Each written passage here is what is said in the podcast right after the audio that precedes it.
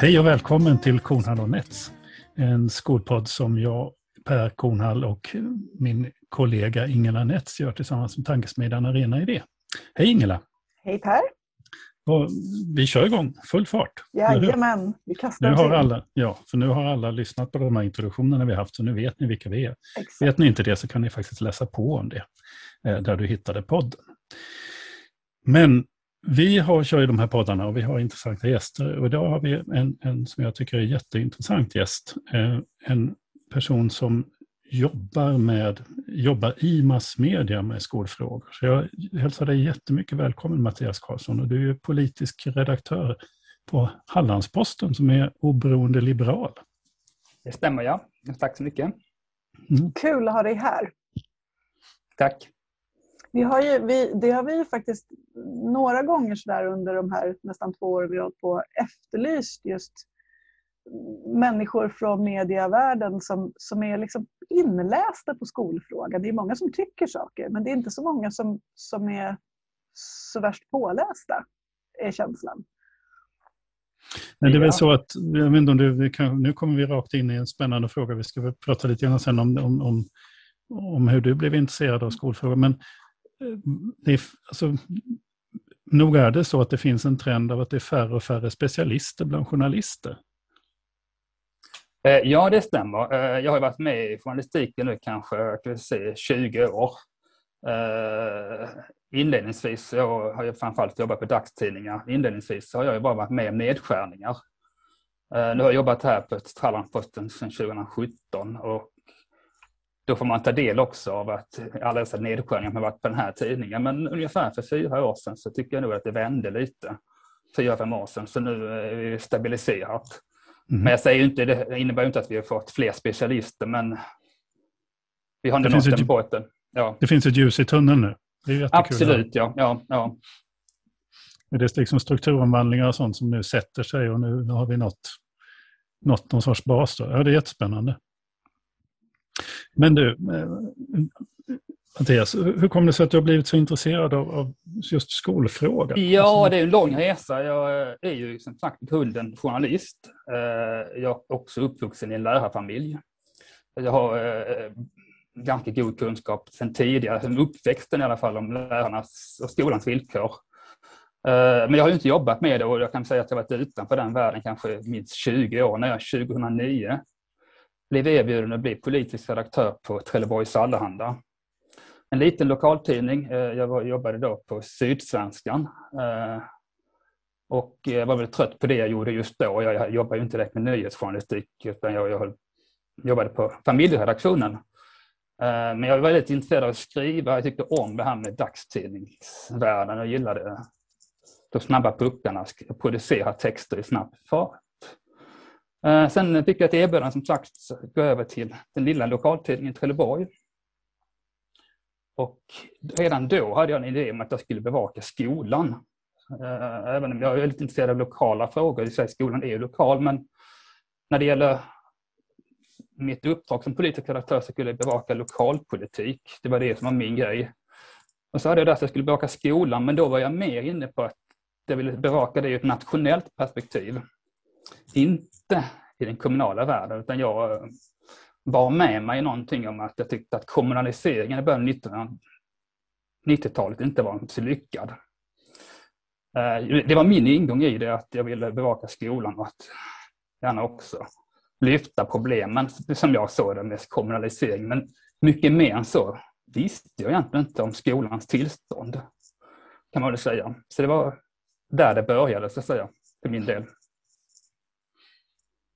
Du har ju fått på senare tid, det- kanske har varit så en, under en längre tid, det, är bara, det handlar om vad, vad, vad, vad jag har sett. så. Men, men det känns som att senaste året eller åren så, så har det du skriver eh, uppmärksammats i, liksom, på en mycket större, man säga, mycket mer geografisk spridning än, än lokalt i Halland, om man tänker Eh, utifrån ja, ditt nuvarande det- uppdrag. Det kan man absolut säga. Eh, Jag tror väl också att det har väl att göra med att jag kanske för se, 2018 satte mig in i ett annat perspektiv. Så började jag skriva mer, mer fördjupande om skolan. Mm. Eh, och kom väl fram, om jag säger att jag hade kommunalisering som en ingång 2009, så då eh, när jag kom hit 2017 och även 2018 då så att säga, var jag intresserad av att ta ett nytt grepp om skolan och då gjorde jag en skolserie Eh, med viss avstamp i det lokala här, men det, det var alltså kommunaliseringen och friskolereformen jag siktade in mig på. Och efter det så fick jag ytterligare en som en grundplåt att utgå ifrån. Jag hade redan en, eh, ett stort intresse för det, men jag tror att jag fick en självsäkerhet i själva ämnet, att kunna tycka saker. Och sen opinionsbildning handlar ju väldigt mycket om att tjata, tjata, tjata, att hålla linjen. Att hela tiden driva nästan så att man blir trött på frågan själv. Uh, och vissa läsare upplever väl att det kanske är för mycket, men jag tänker att jag vill ju nå även de som sitter längst bak i skolklassen. Mm. Det är jätteintressant det du säger om, om vad opinionsbildning är. Och, och det kan vi, det, jag funderar på, på bara, när du gjorde det här arbetet, sa du, för vad gör en politisk redaktör? Alltså... Mm, det är ju lite olika, men jag kan ju då berätta att min roll som politisk redaktör har alltid varit ensamredaktör på en tidning. Eh, jag har varit både i Trelleborg, Ystad och Kristianstad innan jag kom till Hallandsposten 2017. Ja, det 17 var det. Jag, jag är ensamredaktör. Eh, jag har en sida om dagen, den äger jag så att säga. Eh, inom rimliga ramar såklart. Men jag är fri att tycka saker och ting inom den här sidan. Nu är det inte bara jag, jag har även vi har abonnemang. Det kommer liberala nyhets eller liberala ledartexter. Typ från Stockholm då. Så jag har hela tiden material att ta med i sidan. Men det är jag som bestämmer vad som är på sidan. Jag är alltså både politisk redaktör och sen är jag då ledarskribent i en, en och samma mm. roll. Eh, ofta har jag också haft ansvar för debattartiklar. Vi har en insändarsida och så är det då debattartiklar på den sidan också. Så att jag har ett stort inflöde av texter som jag bearbetar. Och i det här så vill jag också ta ställning, framförallt till lokala frågor. Och, eh, och även där kan jag känna när jag kom till Hallandsposten att det har liksom tryckt fram lite mer positioner. Att ta liksom tydligare ställning i den frågan som gäller lokalt. Jag tycker att tidningen, det är en privilegierad uppgift jag har, att kunna ta ställning i frågor. Så vill jag även skapa debatt, få folk att tänka till själva och så vidare. Eh, det är väl kortfattat så. Eh, jag vill också jobba nära den övriga nyhetsredaktionen. Som ensam redaktör så behöver jag det input. Men jag har ingen annan kollega så att säga, som jag bollar idéer med, utan det är, jag är placerad på tidningen. Mm. Eh, men, men ja. du gör också en del annat, alltså, så att säga, mer journalistiskt arbete, inte bara ledartexter? Eller, eller, jag skriver bara, jag är ensam. Bara det? Mm. Det är bara ledartexter, så att jag mm. håller den här linjen som man brukar traditionellt mm. hålla mm. mellan news och views. Mm. mm. Nyhetsredaktionen är separerad, det sköts av nyhetschefer och så vidare. Mm. Medan jag då har åsikter, det ska ju inte finnas på nyhetsplats. Så min chef är ju chefredaktören det henne jag svarar inför. Medan övriga liksom, eh, nyhetsapparaten är ju framförallt eh, driven av nyhetschefer som bestämmer vad som ska komma i tidningen och så vidare. Eh, sen är det så att jag att jag har ett nära samarbete med nyhetsredaktionen. Det är ju mer att nyhetsreportrarna vet väldigt mycket. Mm. Så det är de är mina experter. Mm. Eh, Eh, vi håller ju väldigt noga på våra roller, men om jag vill skriva någonting lokalt, det kan jag alltid, jag kan ju läsa i tidningen vad de har skrivit och så vidare, men jag kan alltid gå till dem och få lite mer bakgrund. Jag, kan liksom, jag har frågor om ena eller andra. Mm. sen när det gäller, det är ju lokala frågor. När det gäller skolfrågorna så är det ju mer att jag får läsa in mig och, och även då ringa samtal. Så jag gillar ju det här med journalistiken har jag i mig att det jag skriver ska vara sakligt och uh, korrekt. Uh, men ofta är det då att man kanske landar i mer en åsikt. Eh, så. Man tycker saker längre fram i texten. Man säger så. Ja. Det här, det här tycker jag är så spännande. Jag, jag drömde en gång om att bli journalist. Um, jag stod väl på 500 reservplats till Journalisthögskolan eller sånt där efter gymnasiet. Och sen har jag visserligen jobbat på tidning, men mer med marknadsföringsbiten eh, under många år. Eh, men det här, alltså, det är ju... jag är fascinerad av det här att, att, att man som då i din roll som politisk redaktör har, har någon form av liksom självklar plattform för, för sina egna åsikter. Men det måste ju också vara så att, att tidningens så att säga, färg, eller vad man nu ska kalla det, liksom, någorlunda politiska hållning styr vad du kan eller bör eller ska tycka? Jo, eller? jo det har jag haft med mig det. Alltså när jag fick Ja. jobbet som politisk redaktör i Trelleborg så var det ju en fråga om jag ville ta den här tjänsten. Eh, Och jag hade nog inte tackat ja till det men inte i grunden var liberal själv. Mm. Men det var ju ingenting då. Att jag, hade ju, jag var ju nyhetsjournalist och har ingen politisk bakgrund. Så det var ju med att jag fick skriva några texter då och så var det ägare då som fick ta ställning till kan det här rymmas inom eh, den sfären. Men eh, å andra sidan, jag ska inte raljera så, men det är en ganska bred familj att vara liberal. Eh, så. Och jag, men jag sympatiserar nog med rätt mycket av de här traditionella individens fri och rättigheter. Och, eh, även i grunden också att det är bra med fri marknadsekonomi. Sen har jag lagt på kanske andra nya lager på det under den här resans lopp. Men i detta jag tycker jag också att som skolan är ju någonting som liberaler har slått för under lång tid. Och jag liksom tyckte att där fanns en bra ingång också.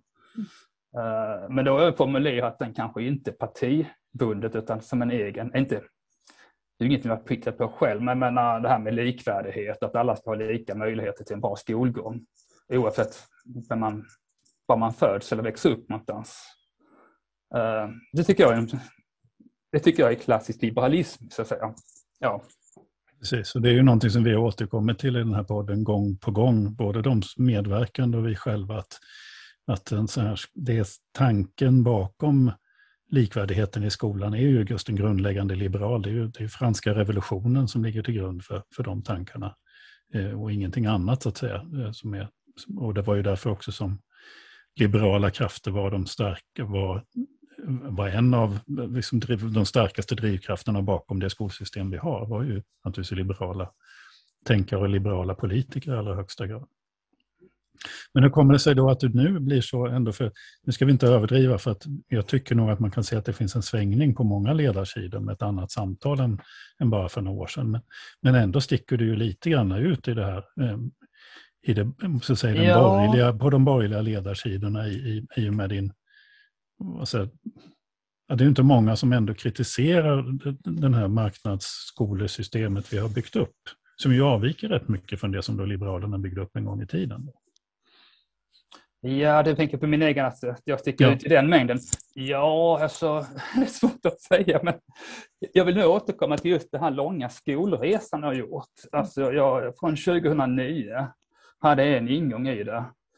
Eh, och, att det då landar här 2018 fram till nu, det är ingen slump tror jag när jag tittar på bakåt. Jag kan ju bara nämna då att 2009, för nu backar jag bandet ännu längre bakåt då än vad din fråga innebär. Men jag kom till Trelleborgs Allehanda med en idé om att jag ville baka skolan.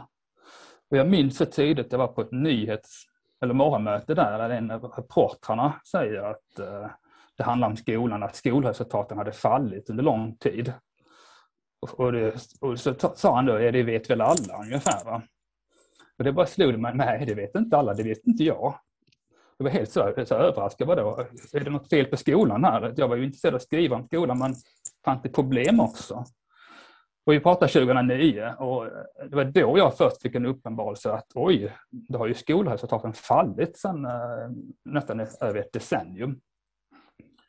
Och då, nu hoppar jag fram lite till september 2009, så kom Skolverket med en rapport som hette Vad påverkar skolresultaten i grundskolan? jag. Mm. Mm. Jag bestämde mig för att åka på presskonferensen i Stockholm för att bevaka den på plats. Lilla tidningen Trelleborgs Allehanda är på plats med de andra riksmedierna och så vidare. Ja, men jag ville veta mer då. Och så presenteras den här undersökningen och eh, det var generaldirektör Per Tullberg då som eh, introducerade och sa, säger han då att sen jag blev generaldirektör har jag bara resultaten fallit. Och eh, Ja, det var väl någon form av grundplåt som satte sig. Att jag fick en inblick i vad det var för kanske mekanismer. Uh, och jag var ju mest intresserad av kommunalisering, så när de här frågorna som dök upp om man, man skulle problematisera valfrihetsreformen som det hette då, eller friskolorna.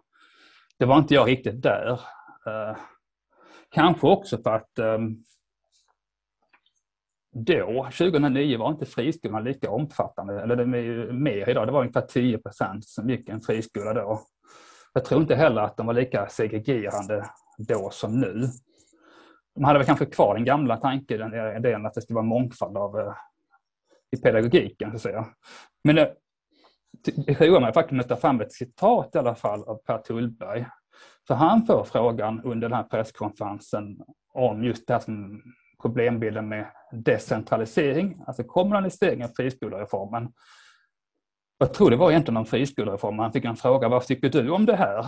Då säger rapporten till honom och då svarar han så här att det vore förmätet av en myndighet att komma med förslag när 95 procent av riksdagen stött valfrihetsreformen. Och där fick jag väl en liten uppenbarelse att om vi ska ändra systemet så är det ju riksdagen som ska vara måltavlan. Och han menade då då att friskolereformen var ju stor majoritet för det, menar han i det läget då. Och det har väl varit en, kanske ett tema då eh, sen dess att jag vill ju ha en förändring kanske på riksnivå. Eh, och, eh, jag tycker det är intressant för det, det du beskriver, jag, jag, känner igen mig själv i det här. Det är lite, eh, faktiskt, jag började jobba på Skolverket 2009, så jag var med i de här processerna. Jag såg ju hur vi på Skolverket, alltså det är nog anledningen till att jag skrev min första, den här boken Barnexperimentet som kom ut sedan 2013. Det beror ju just på att jag, jag såg de här siffrorna och jag förstod också att ingen annan brydde sig egentligen. Alltså det var väldigt lite när sen PISA-chocken slog igenom, då hade ju Skolverket känt till det här väldigt länge. Men jag tänker just på Per Tullberg som ju själv har beskrivit i en annan bok att han blev uppkallad till en minister och blev tillsagd att han skulle sluta svartmåla skolan. Alltså, eh, alltså det var ett politiskt projekt. Att, att han, han, alltså han blev anklagad för att vara politisk när han redovisade hur siffrorna förändrades helt enkelt. Så jag känner ju igen den här lite grann resan som du har gjort där. Ja, men precis. Och då, när jag då drar fram det till 2018, då har jag gjort ett litet mellanspel som politisk sekreterare i Helsingborg. Jag har lämnat liksom medievärlden och får se lite kommunpolitik inifrån. Men eh, så dyker det här erbjudandet upp och blir politisk redaktör i Hallandsposten och det är väl kanske då jag tar en nystart.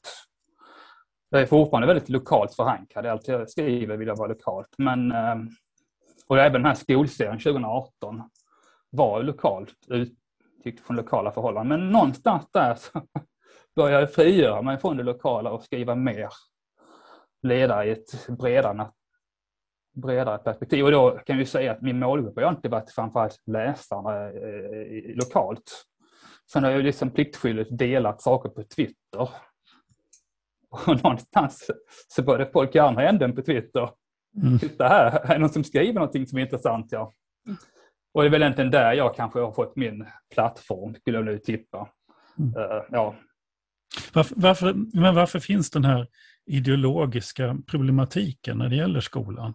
För vi avviker, vi har ju ett ganska, om vi tittar på det internationellt sett så har vi ett väldigt, liksom ett extremt system. Alltså, när jag pratar med folk i EU-miljöer där jag rör mig ibland så, så är inte det, det är inte vänsterpolitiker som tycker att vi är extrema. Men i Sverige har det funnits någon sorts mangrann uppslutning kring en ganska extrem. Varför, vad är det som, som händer här med ideologin? Jag tror att eh, vi gått från ett extremt fall, eller ett extremt läge på 80-talet till ett annat extremläge på 90-talet och framåt. Ofta hör jag det här att de som gick i skola, till exempel på 80-talet, att om man då var mobbad i en skola, då kunde man inte flytta barnet från den skolan till en annan skola. Så det var ett väldigt hårt centralistiskt system. Och, och det landar väl också i en slags tidsanda med mycket valfrihetsreformer i andra områden. Uh, och de som jag ser det, som jag kallar det, i den sfären jag har befunnit mig tidigare, liksom i liberaler, kanske mer borgerliga ideologiska kretsar eller opinionsbildare, så lever det kvar. Att valfriheten är en slags överstepräst. Det, det, det, sen på det andra anordnat under det. Va?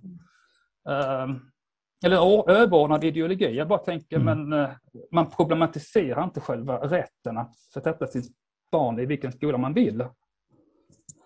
Det är det ena, uh, att det är så hårt hållet. Sen kan det väl också göra, men när man, fort man kritiserar dagens system så blir man nästan lite eh, anklagad för att vara anti, alltså eh, vad kan man kalla det för, antiföretagarlinje. Mm. Man blir väldigt hårt kritiserad. Ja, men du är emot fria företagsamheten. Det blir en annan sån del i det. Eh, som, ja, som jag tror. Och det, jag tror att det här lever kvar. De här ideologiska bindningarna, eller låsningarna.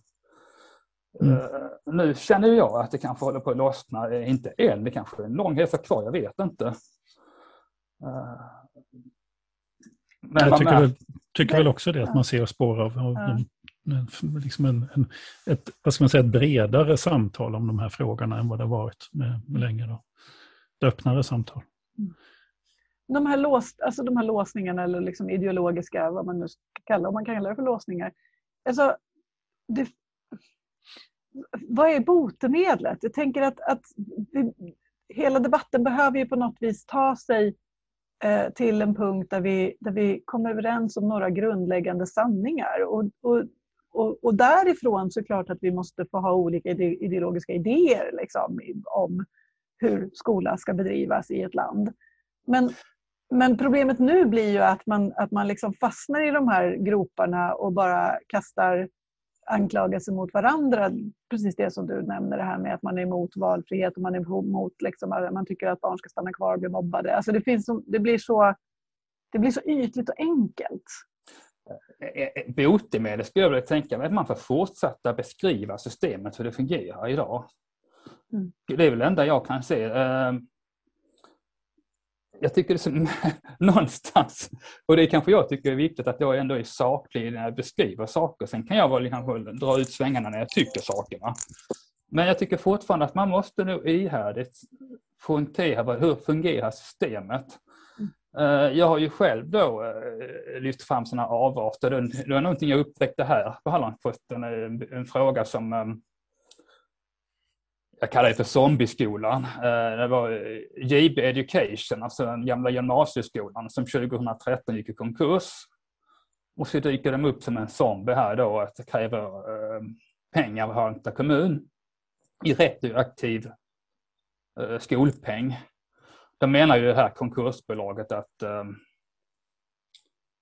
att i och med att förvaltningarna gick med minus så ska ju de ha rätt till den mellanskillnaden. Alltså, eh, ja. Mm. Skolpengen blir då för låg till det här JB Education 2011, 2012 och 2013. Mm. Och de vill ha pengar i efterhand då för det. Det är ju ett helt bisarrt system, men jag tänker att det är ju ett exempel på hur, liksom, hur var skolan har hamnat idag. Det handlar ju om rättstvister och det handlar ju om pengar som ska gå till konkursbon. Mm. Då, då, då får det ju tala för sig själv. Det är ett sådant exempel på hur sjukt systemet är. Liksom. För att prova en tanke på dig Mattias, för jag har gått och funderat lite grann på varför de här låsningarna har uppstått. Och eh, nu så satt vi och jobbade med, en, med ett remissvar till, på, en, på en utredning, ett helt annat ärende. Men då satt vi och diskuterade flera frivilliga, eller flera sådana här eh, alltså myndigheter tillsammans med olika intresseorganisationer. Vi hade ett ett gemensamt seminarium där vi diskuterade utredningen, vad utredningen har kommit fram till och vad vi tänkte skulle svara. Så när vi la på så kände vi oss alla så, eller vi som hade varit med i min organisation kände att det här, det här är ju det fantastiska med samhället, hur vi diskuterar frågor, hur vi, hur vi upptäcker svagheter och så vidare. Och så slog det mig att det, som, det var just det här som aldrig hände när det gäller just friskolereformen. Där fanns det ingen utredning, där fanns ingen myndighet som fick tycka till, det fanns inga ideella organisationer, inga lärarfack, det var ingen remissrunda alls. Att det här på något vis har lämnat ett öppet sår, så att vi kan inte liksom, vi hamnar på väldigt extrema positioner och vi hade aldrig något samtal om det här när det iscensattes och sen är, liksom, är vi kvar där i de här. Eh, alltså det är bara en känsla för, för varför det är så För mig mm. konstigt, samtalet. Du menar att det som hände då fortfarande liksom Ja, i någon mening har, det gjorde att vi aldrig fick något, något gemensamt samtal då, utan vi har bara fortsatt i, i de jo, men, det kan just, men jag tror också att en, låsning, en del av låsningen är att eh, man inte är så insatt i skolans värld på något vis. Att skolan är någon slags, jag tycker med rätta, att jag vill inte lägga mig i hur lärare arbetar. Jag har inte varit verksam som lärare. Men däremot är jag intresserad av hur det fungerar på systemnivå och vad som kommer ut på andra sidan. Men någonstans så tycker jag det finns en bristande mm, intresse, till och med förståelse för systemnivån frågorna. Mm. Eh, det är väl det ena, jag tror att man, man duckar. Om man till exempel säger när Björn Åstrand kom med sin utredning 2020 i april. Eh, det var ju en, eh, jag kommer inte, det var en presskonferens, man kunde lyssna på den, det var i pandemitid så det var säkert digitalt. Men dagen efter kan man ju läsa alla, hela, alltså hela ledarsidan är fulla med reaktioner. Och jag tycker det var väldigt intressant att se alltså de som är på min sida, då, liberala tidningar eller, till, eller även de moderata. Det är ryggmärgsreflex. De är emot det. De är emot det direkt. De tar inte till sig innehållet. Och kan, man får hela kartan av alla argument som man, varför man ska kasta det här i papperskorgen direkt. Jag tror även det var när, inte skolkommissionen, var det 2017, det var även då det här med lottning. Det var liksom borgerliga ledarskribenter bara högg direkt, vi ska inte ha någon lottning i skolan och så vidare. Ja, ja. Där var det ju så förfärligt att, att en, av, en av kommissionens ledamöter eh, så, så, att säga gick ju eh, eh, spred ju det här i förväg så att, att, att Jan Björklund han, han gick ut och svarade, om skrev det här om lottning innan någon hade hunnit läsa, någon person mm. överhuvudtaget hade hunnit läsa utredningen som ju inte alls föreslår lottning på det sätt som han då sen eh, svängde sig med i debatten. Utan, utan man bara kapade ju hela... Här kommer alltså ett långt, långt arbete av väldigt många människor med väldigt bred representation i samhället och levererar ett förslag, förslag och sen så sågar man det på falska grunder i opinionsmässigt. Då. Det, är, det är en väldigt, väldigt konstig situation. Ja. Det där är spännande nu. Vad, vad, vad tänker du? Um, nu har vi ju fått en alldeles ny skolminister som var, som var en del av skolkommissionen utifrån ja, dåvarande mm. rektors roll. Vad, vad kommer hon att kunna göra? Nej, jag får nu säga att jag var ganska överraskad av att det blev en annan skolminister. Jag tänkte det här sista, köra in i racet nästa år eh, i valet. Eh, jag tycker att hon verkar, nya skolministern verkar jättekompetent och, och, och, kanske ännu mer insatt i skolans värld. Va?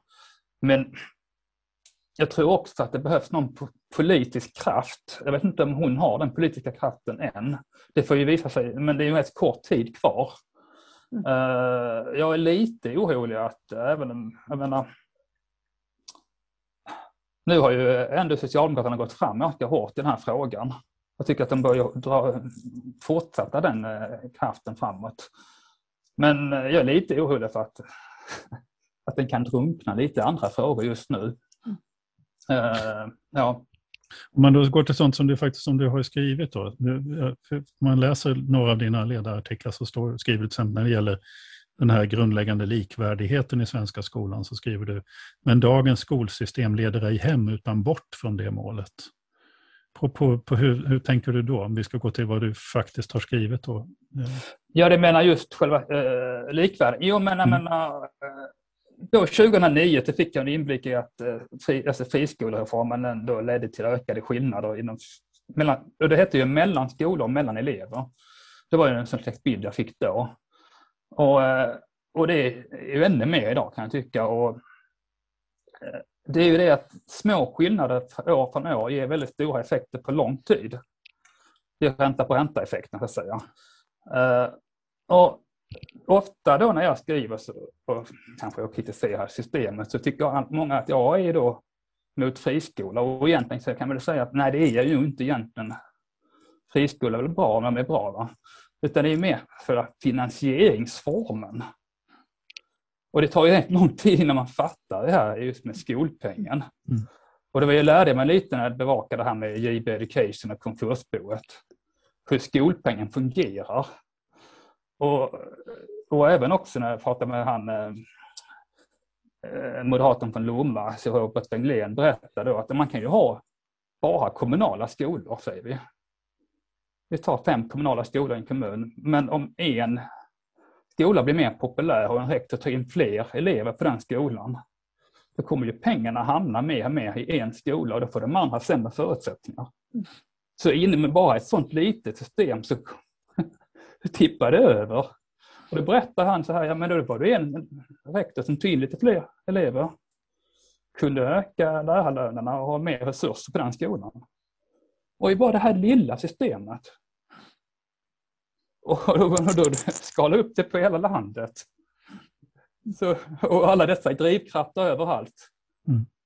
Så blir det ju bara, det blir obönhörligt att skillnaderna kommer att öka och öka.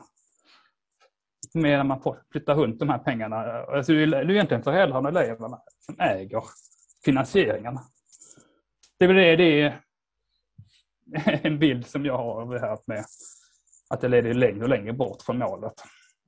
Ja. Det var ju den grundläggande idén bakom, bakom eh, Milton Friedmans idé. Men det är ju ingen... Det är väldigt få ställen i världen man har tänkt sig att det är ett bra sätt att organisera skola på. Men vi gjorde ju det fullt ut.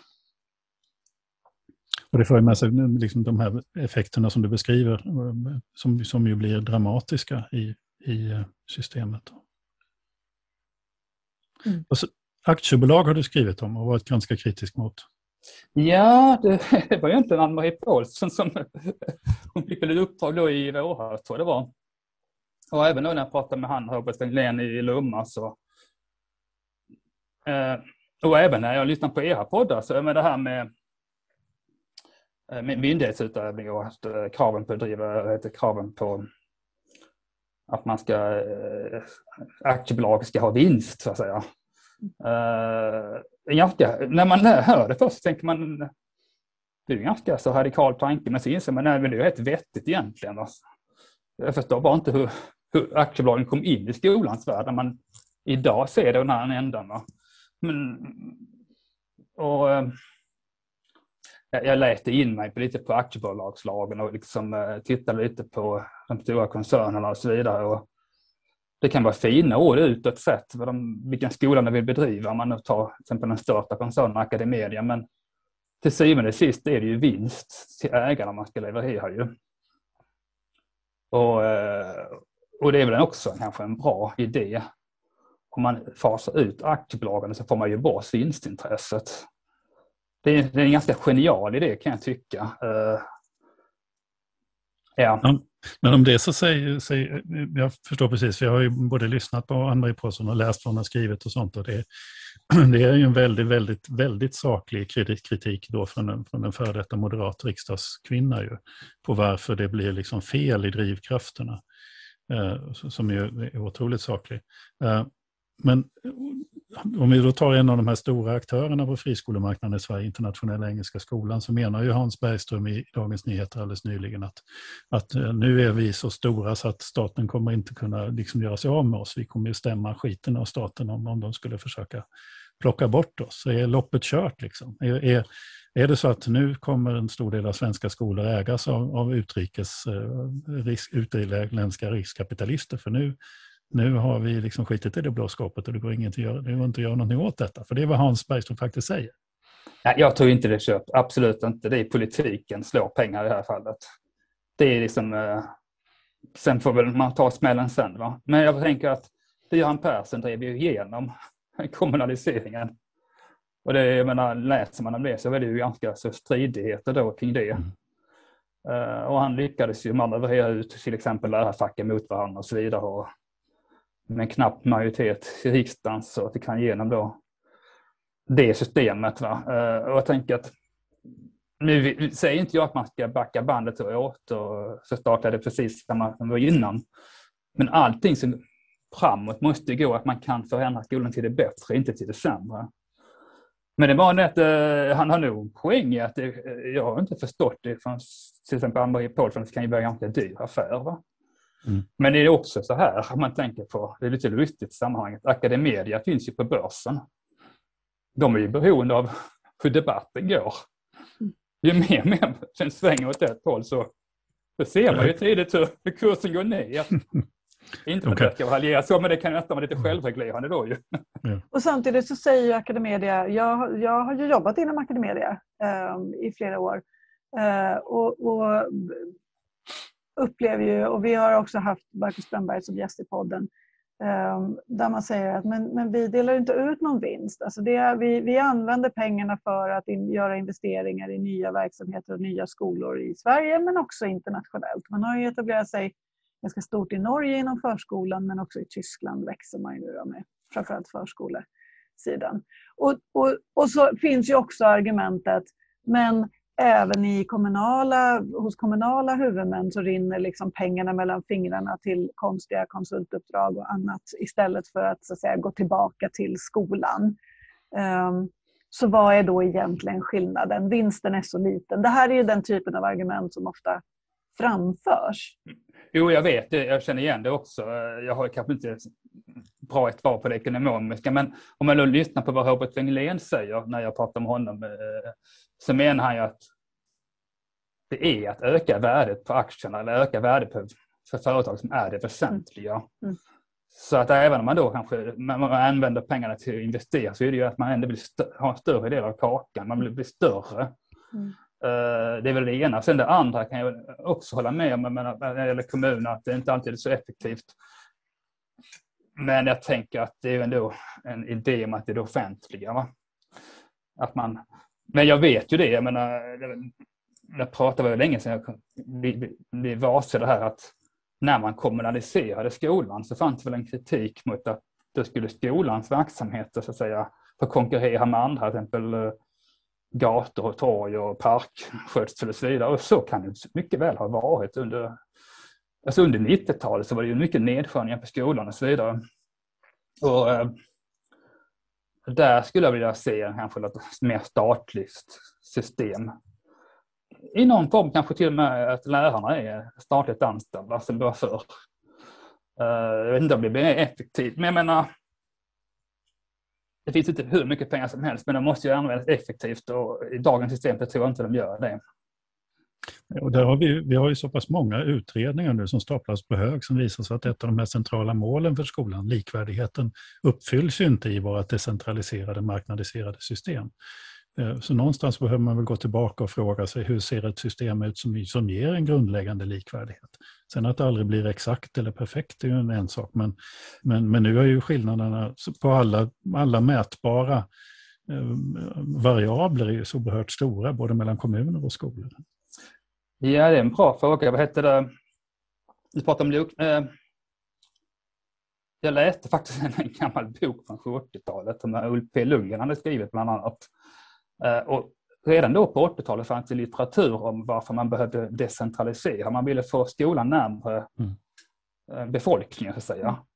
Men jag tycker det är ett problem här att man får inte veta värdet av skolan inom en, eh, om man tänker ha en valperiod på fyra år. Hur ska man kunna utvärdera om den drivs på rätt sätt? Va?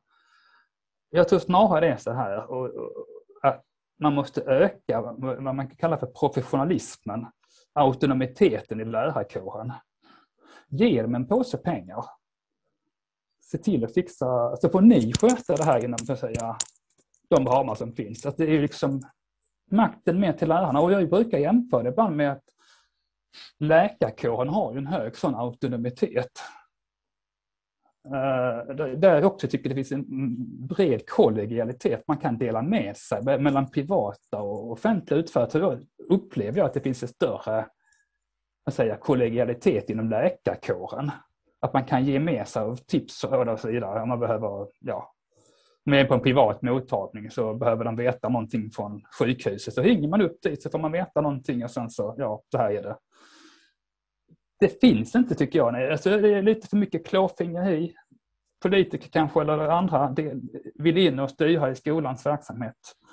Så jag tror att på sikt, om man ska få en mer likvärdig skola, så tror jag att vi kan ha en starkare lärarkår. Inte, inte fackligt mässigt, utan jag menar mer de ska få ett större mandat. Och där är väl en konflikt. Vi har liksom fått in föräldrar Alltså de ska ju ha ett intresse för sina barns utbildning, men de styr ju också genom skolpengen. Det ska finnas en gräns här. hit får ni gå föräldrar, men ni får inte gå in i klassrummet. Ge fan i det om man ska säga så. Mm. Apropå den här debatten som var förra veckan då, om, jag menar, den lärare som blev lite arg på sina 15-åringar. Ja. Och skällde ut dem. Ja ja, det där har gett, gett äh, eh, stora vågor i, i, i media i ett antal dagar nu känns det som. Där, där, där är allt fler tycker jag, jag kan, kan liksom sådär med fingret i luften känna att det är fler och fler som, som säger ungefär som du. Att så här, det, det, det, självklart ska föräldrar få, få ha synpunkter och självklart ska lärare i, sin, i sitt vuxenansvar vara vuxnare än de barn som, och unga som man möter i skolan. Men, men man ska heller inte behöva bli uthängd i media som, som lärare när man ruttnar på stökiga tonåringar, vilket vi nog alla har gjort. Det var, hände, det var någon gång här för några veckor sedan när det här började diskuteras, som det blev en lite rolig tråd på Twitter där vi var ganska många som, som undervisar eller har undervisat och jobbat just med högstadieelever som berättade om våra våra inte så stolta ögonblick när vi, när vi alla har, har exploderat innanför klassrumsdörren och, och, och, på olika sätt talat om för, för de här tonåringarna att de behöver skärpa sig. Så. Fast med annan vokabulär. Ja, ja, ja. Och det här, det här är liksom en annan sida av, tänker jag, av, av alltså en annan effekt av skolsystemet. Det är det som man pratar om, liksom den här juridifieringen och papprifieringen som, som, som kommer av att, att vi som är verksamma i skolan behöver ha ryggen fri därför att vi annars har kunder eh, som, som eh, antingen hänger ut oss eller går någon annanstans. Och oavsett vilket så får det konsekvenser för våra resurser och förutsättningar och, och, och ekonomiska, liksom, ekonomiska möjligheter i, i verksamheten. Men det känns som att man lägger energin på fel ställe då om man ska dokumentera för att hålla ryggen fri. Mm. Man måste mm. istället ha en trygghet i det man gör. Mm. Och börjar det blåsa omkring en, då ska ju ledningen stötta upp en. Mm. Tycker jag. Ja, ja. Jag kommer att tänka på det här med sommarpratet av hon Sara Brun. Mm. Där hon, eh, det var någon elev eller vars föräldrar som vill att hon ska sätta något godkänt betyg på sin elev. Och det blev ju jättestor affär för de, hon blev hotad och det blev polisbevakning då ju. Eh, som hon berättar i, i radio. Och hon klarade av det tror jag för att hon hade skolledningen bakom sig. Mm. Men jag tror att den berättelsen berättar också något annat. Det finns många andra fall där man inte har skolledningen bakom sig. Mm. Och det är en skrämmande bild tycker jag. Mm. Mm.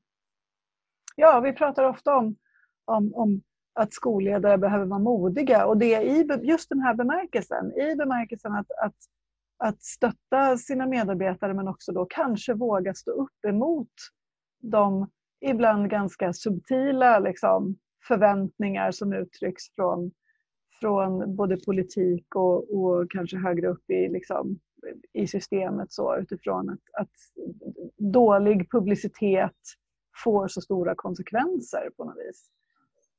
Men, men precis, vi behöver, i läget som vi har nu behöver vi extremt modiga rektorer, men det vore ju bra om vi hade ett system där man inte behövde vara fullt så modig, Nej. kan jag tycka då. Mm. Just det, risken är ju att ha en rörlig skolpeng. Ja. Det, vill man ju, det blir man ju mer försiktig om sina elever, eller man skulle mm. ta ställning med dem. Ja. Mm. Det handlar om, det handlar om mycket pengar som går ut genom dörren och får den, den, den, den så att säga, upprörda föräldern med sig tio till, ja då försvinner ju det försvinner en tjänst från skolan bara ut genom dörren samma mm. vecka. För det finns ju ingen fördröjning i de här systemen heller. Mm. Och sen är det bara en sån sak som att det här med skolpeng är ju, är ju inte, har ju, det finns ju inget finns inget i skollagen om att kommunala skolor ska ha skolpeng, men alla, nästan alla större kommuner har det. På grund av att, av att man är, annars så fixar man inte eh, hanteringen av friskolorna och juridiken och rättstvisterna som kommer. Men, men, kommunala skolor skulle ju kunna ha skolbudgetar och skulle inte behöva vara med i det här racet. Men systemet tvingar så säga, kommunerna in i det. Det är också sådana här konstiga effekter av ett dåligt utrett system. Men du, jag måste få, få får bara liksom debriefa mig lite grann. För en annan sak som har, har i alla fall i min umgängeskrets blivit någon sorts, en, en snackis och någonting som har varit en sån här det, det vänder någonting i debatten. Det är ju, det är ju Barbara Bergströms agerande mot en journalist och du som journalist. Alltså att hon går in på en toalett och städar, sköljer av händerna och sen går hon fram till en fotograf och torkar av händerna på hans skjorta. Mm. jag menar, hur korkad får man bli? Eh, alltså... Jo, ja, ja, precis. Kanske precis. Jag vet inte, jag kan ju inte. Eh, jag har ju skrivit det Barbara Bergström och jag har lätt att svara på repliker också från Hans Bergström och så vidare. Det, Jo, det är ju klart att det blir en väldigt stor uppmärksammad fråga och det är lite färgrikt beskrivet. Och jag hade säkert kunnat skriva en ledare och bara det här beteendet, om man säger så. Men jag tycker tyvärr att man hamnar lite snett i debatten när man går in på själva... Ja, men det är självklart man gör. Alltså... Ja, och jag tänker att, eh, ja, jag vill, jag vill prata om någonting annat längre upp. Men å andra sidan, kan inte, nu, nu det, har det blivit oerhört, en enorm grej det här ju. Alltså, man blir ju till och med de som försvarar henne och, och liksom mot journalisterna. Jag tycker det är jättebisarrt att det ska komma... Eh, men, alltså, om jag förstår det rätt så har både Hans Bergström har ju fått läsa, bara de har fått läsa hela artikeln innan, inga kommentarer. Eh, det visar någonting å andra sidan vilken enorm eh, explosivitet det finns i frågan. Från båda sidorna, framförallt då att försvara systemet. Eh, men bara en reflektion då, det var ju när jag skrev den här serien 2018 så hade jag en artikel i eh, en granskning i skolvärlden som gick igenom vinsterna då för de fyra största skolkoncernerna. Och det var liksom en ögonöppnare. Oj, oj, kolla här, här går ju hundratals miljoner ut i till skolägare. Men det, det slog mig då, jag tänkte, är det verkligen sant det som står här? Varför skriver ingen annan om det? Mm. Men nu så, vad man kallar för skolmiljardären, det har ju varit känt länge. Mm. Men det är någonting som händer med debatten när det kommer en rätt fas med en sån här lite färgrik mm. beskrivning. Så plötsligt så trillar ju polletten ner. Mm. Uh, och, ja, någonting där ja. ja. Det är lite, lite det som du sa i början, där, att man behöver tjata om vissa saker innan, ja. Mm. innan det ja. landar. Jag har ju också varit i den situationen att jag en gång skrev ett blogginlägg, för jag hade varit på besök Hans Bergström på en av deras skolor faktiskt. Eh, och jag skrev ett blogginlägg som var, jag skrev positiva saker, men jag skrev också saker som jag inte tyckte var bra med det här skolbesöket. Alltså saker som, som jag verkligen ifrågasatte. Så. Eh, men han blev ju så förbannad. Eh, att jag faktiskt inte, jag publicerade faktiskt inte den, det okay. blogginlägget. Uh, och så har jag tänkt efter att, att jag funderar på, är det, alltså, det är ju också ett sätt att, det är ett väldigt konstigt sätt att bedriva debatt av en gammal journalist, att tysta uh, människor så att säga. Jag tyckte att jag hade någon sorts tacksamhetsskuld eftersom jag hade fått vara där och prata med honom, så jag skrev inte det där. Men det där, där blir jag nyfiken utifrån din roll. Så för, för att media är hårt ansatt i liksom samhällsklimatet och i diskussion, alltså i, på sociala medier och så, det, det vet vi ju. Och, och, och det, ni är ju verkligen eh, någon sorts liksom, oerhört viktiga väktare av det fria ordet och liksom, de demokratiska principerna, tänker jag. Men eh, utifrån, din, utifrån ditt, ditt liksom perspektivtagande på en, på en, en liksom oberoende liberal tidning där du uttrycker väldigt tydligt eh, lite sådär motsatt åsikt när det gäller just skolfrågan och skolsystemet mot, mot vad borgerligheten i stort på partipolitisk nivå liksom säger. För, alltså, blir du uppringd? Hör politiker av sig till dig? Tycker de att du ska skriva något annat eller inte alls? Eller hur, hur, hur är det? Hur fri är du? liksom? Jag är fri. Jag har ingenting uppifrån mina ägare så att säga, utan jag känner mig väldigt fri i den rollen jag har idag. Sen mm. Skulle det hamna då ett läge där ägaren inte gillar vad jag skriver, får de väl placera mig någon annanstans eller säga upp mig. Va? Däremot så får jag ju en del, del eh, jag skrev ju väldigt mycket det förra hösten. Det var ju då det blev det här med Filippa Mannerheim skrev en artikel i Expressen, Jag anklagar. Det blev en, en, en, slags uppsving då. Jag skrev ett antal ledartexter och liksom ungefär samma budskap som innan kanske med lite hårdare ton. Men framförallt var det många lokala då eh, läsare som hörde av sig, skrev långa, långa texter och kritiserade mig då för att, i den ställning jag hade. Men det lustiga då var, det var inget hotfullt på något sätt, det var ju en öppen debatt. Men det lustiga var att jag blev ännu mer motiverad. Så jag gjorde sådana här, heter det, antingen kunde man skriva in det som brev till ledarsidan och så svarar man då. Men så skrev jag ännu längre texter där jag vävde in frågorna.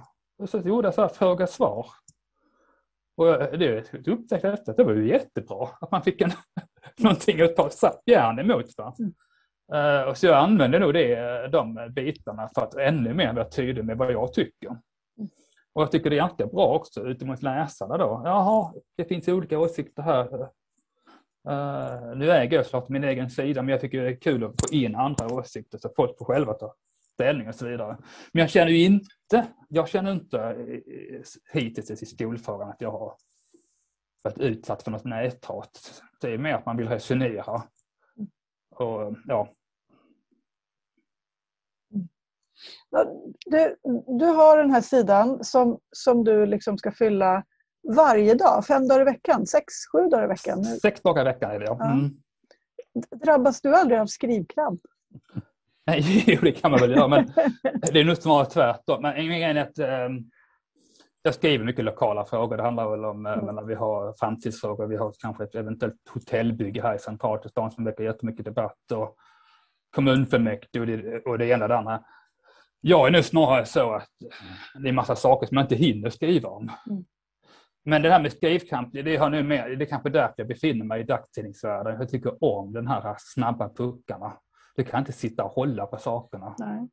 Uh, så slut så bara okej, okay, jag skulle vilja komma hit upp men jag får börja skriva Hammarby här i mitten istället. Mm. Och så vidare. Mm. Uh, sen klart, när jag har ett större arbete, när jag har kanske gjort en intervju som är lite längre, då kanske jag sitter och funderar längre på det, kanske några dagar. Och när man väl har funderat färdigt så är det precis som att med en liten deadline kommandes så måste du få ut det. Mm. Uh, så...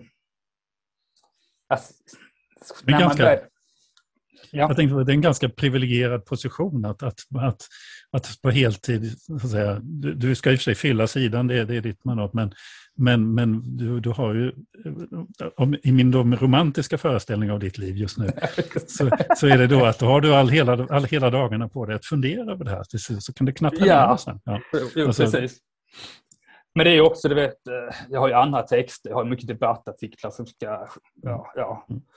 Men annars är det, jag tror också att man blir en bättre skribent om man utsätts för andra texter. Nu läser inte jag kanske mycket böcker, men jag läser mycket texter.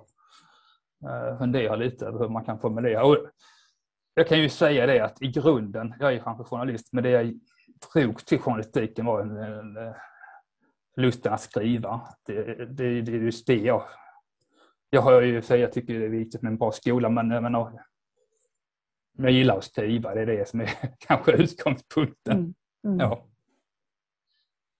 Sen sa du ju någonting, ja, Ingela. Nej, jag, jag vill säga, vad, vad, är, vad, vad, är det, vad har du på agendan? Vad, vad skriver du om här framöver? Ja, inte för att jag kan säga så, men ibland måste man ta nya eller omtag. Så nu har jag kanske inte direkt skolan så högt resten av året. Jag vet inte riktigt, men Eh, jag tänker mig att i början av nästa år så får man ta ett nytt tag. Att, mm. uh, ja, övertyga dem som inte har blivit övertygade än. du beskrev något så det är jättekul det du sa i början, att, att, att ska man ha förändring så, så måste man prata om saker så mycket som man själv har helt tröttnat på frågan. För att det är först då man börjar nå fram. typ. Ja, just det. Jag tycker det var, jag tycker det var spännande, för, för lite så är det ju. Det är väldigt ja. många människor som ska ha, ska ha lyssnat eller förstått ens argument innan, innan det slår igenom. Mm. Det är väldigt långa processer. Ja, jag brukar tänka så här att jag är både kortdistansare och långdistansare. Jag skriver ju på dagen mm. saker. Eh, sen måste jag ha ett längre mål längre fram. Det ska vara någon förändring. Vad det där målet är kanske lite oklart, men man, man kan ju bara se framför sig, jag har ett val nästa år. Om det sker förändring innan eller efter, det vet jag inte, men eh, så ser jag lite grann att eh, jag ville få upp skolan ännu högre på dagordningen. Jag vill att den ska betyda någonting när väljare lägger sin röst. Eh, det är kanske det långsiktiga målet till nästa år. Mm. Känner man mm. kanske det blir ännu en mandatperiod till för att jobba med det här, jag vet inte. Mm. Så om du får sia, ja, så vi har samma, samma fråga på tungan. Om du får säga lite nu då. Vad händer? Inte, inte egentligen sådär vilka vinner valet och vem får majoritet och sådär, utan mer just kopplat till skolfrågan. Vad, vad tror du kommer att hända? Jag hade, öns jag hade önskat att det hade skett en förändring till valet. Men jag tror inte det. Jag tror att det handlar om nästa mandatperiod. Jag hade gärna, jag hade, man får bara hålla i. Eh, det är bara en känsla jag har. Jag kan inte säga att det är så, men eh, eh, man har grävt ner sig i sådana skyttegravar liksom.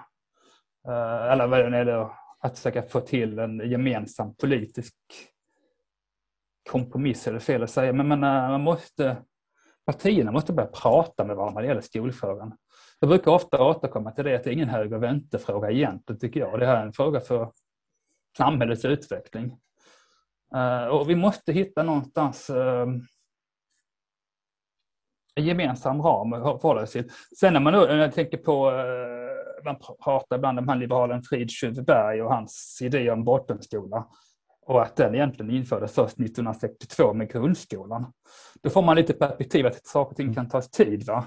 Och eh, det låter ju på ett sätt jobbigt, men, men har man det perspektivet så kanske man, ja, ja. Jag får inte ta ut mig på första varvet, jag måste kunna springa fler varv. Ja, precis. ja. Det är ju utifrån den positionen jag har.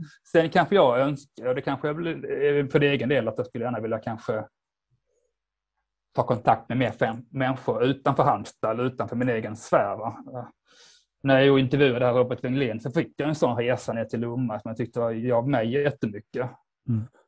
En, en röst från moderata sidan som säger ungefär vad jag själv tycker. Mm. Det gav en slags... Uh,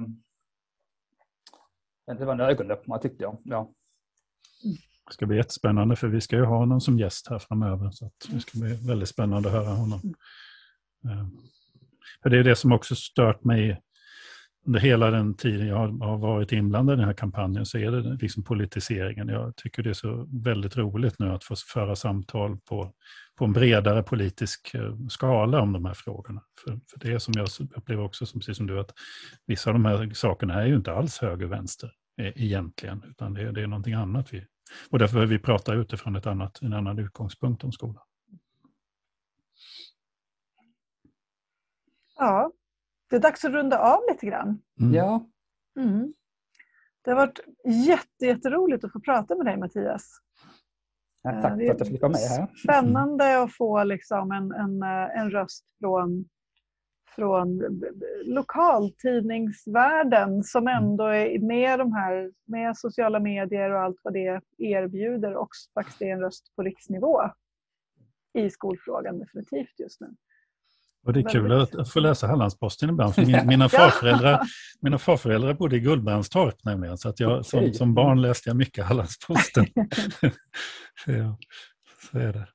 Ja, men, tusen tack Mattias. Tack för att du var tack med. Tack så jättemycket. Vi hörs igen. Tack. tack hej då.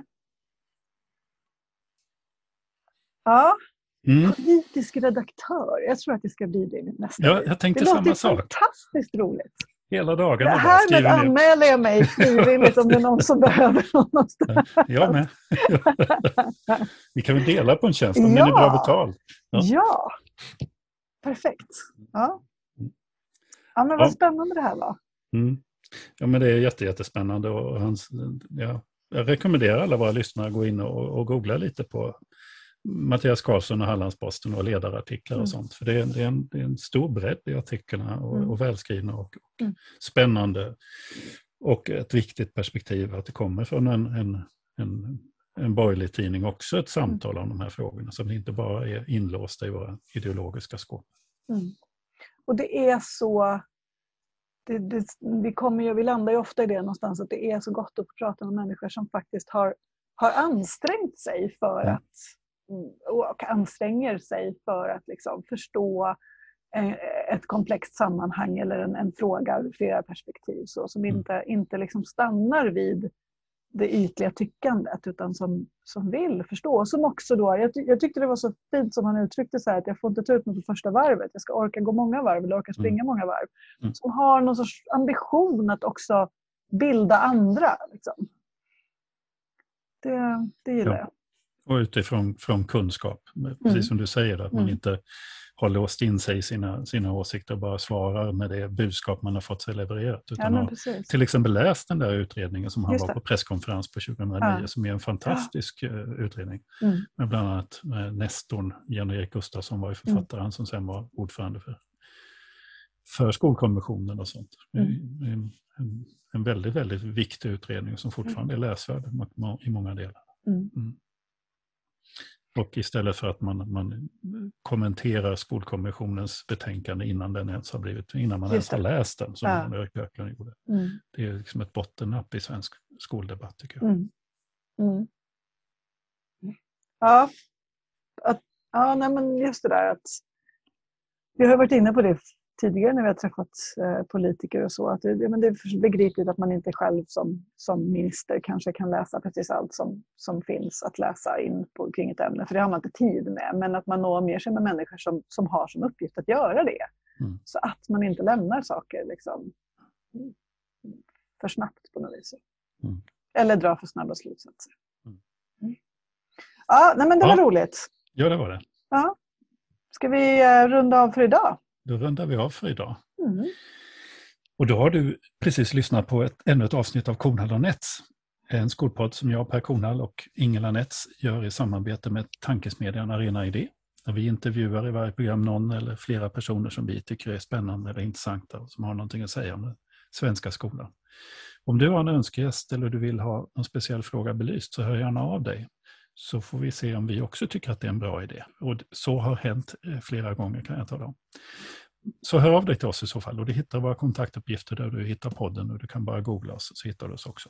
Och det är så här för dig som nu lyssnar på det här och skulle vilja se hur vi såg ut så finns vi också på, eh, som en videopodd på Arena Idés hemsida och det finns en Facebook-sida och det finns, det finns på Youtube och det finns överallt. Ja.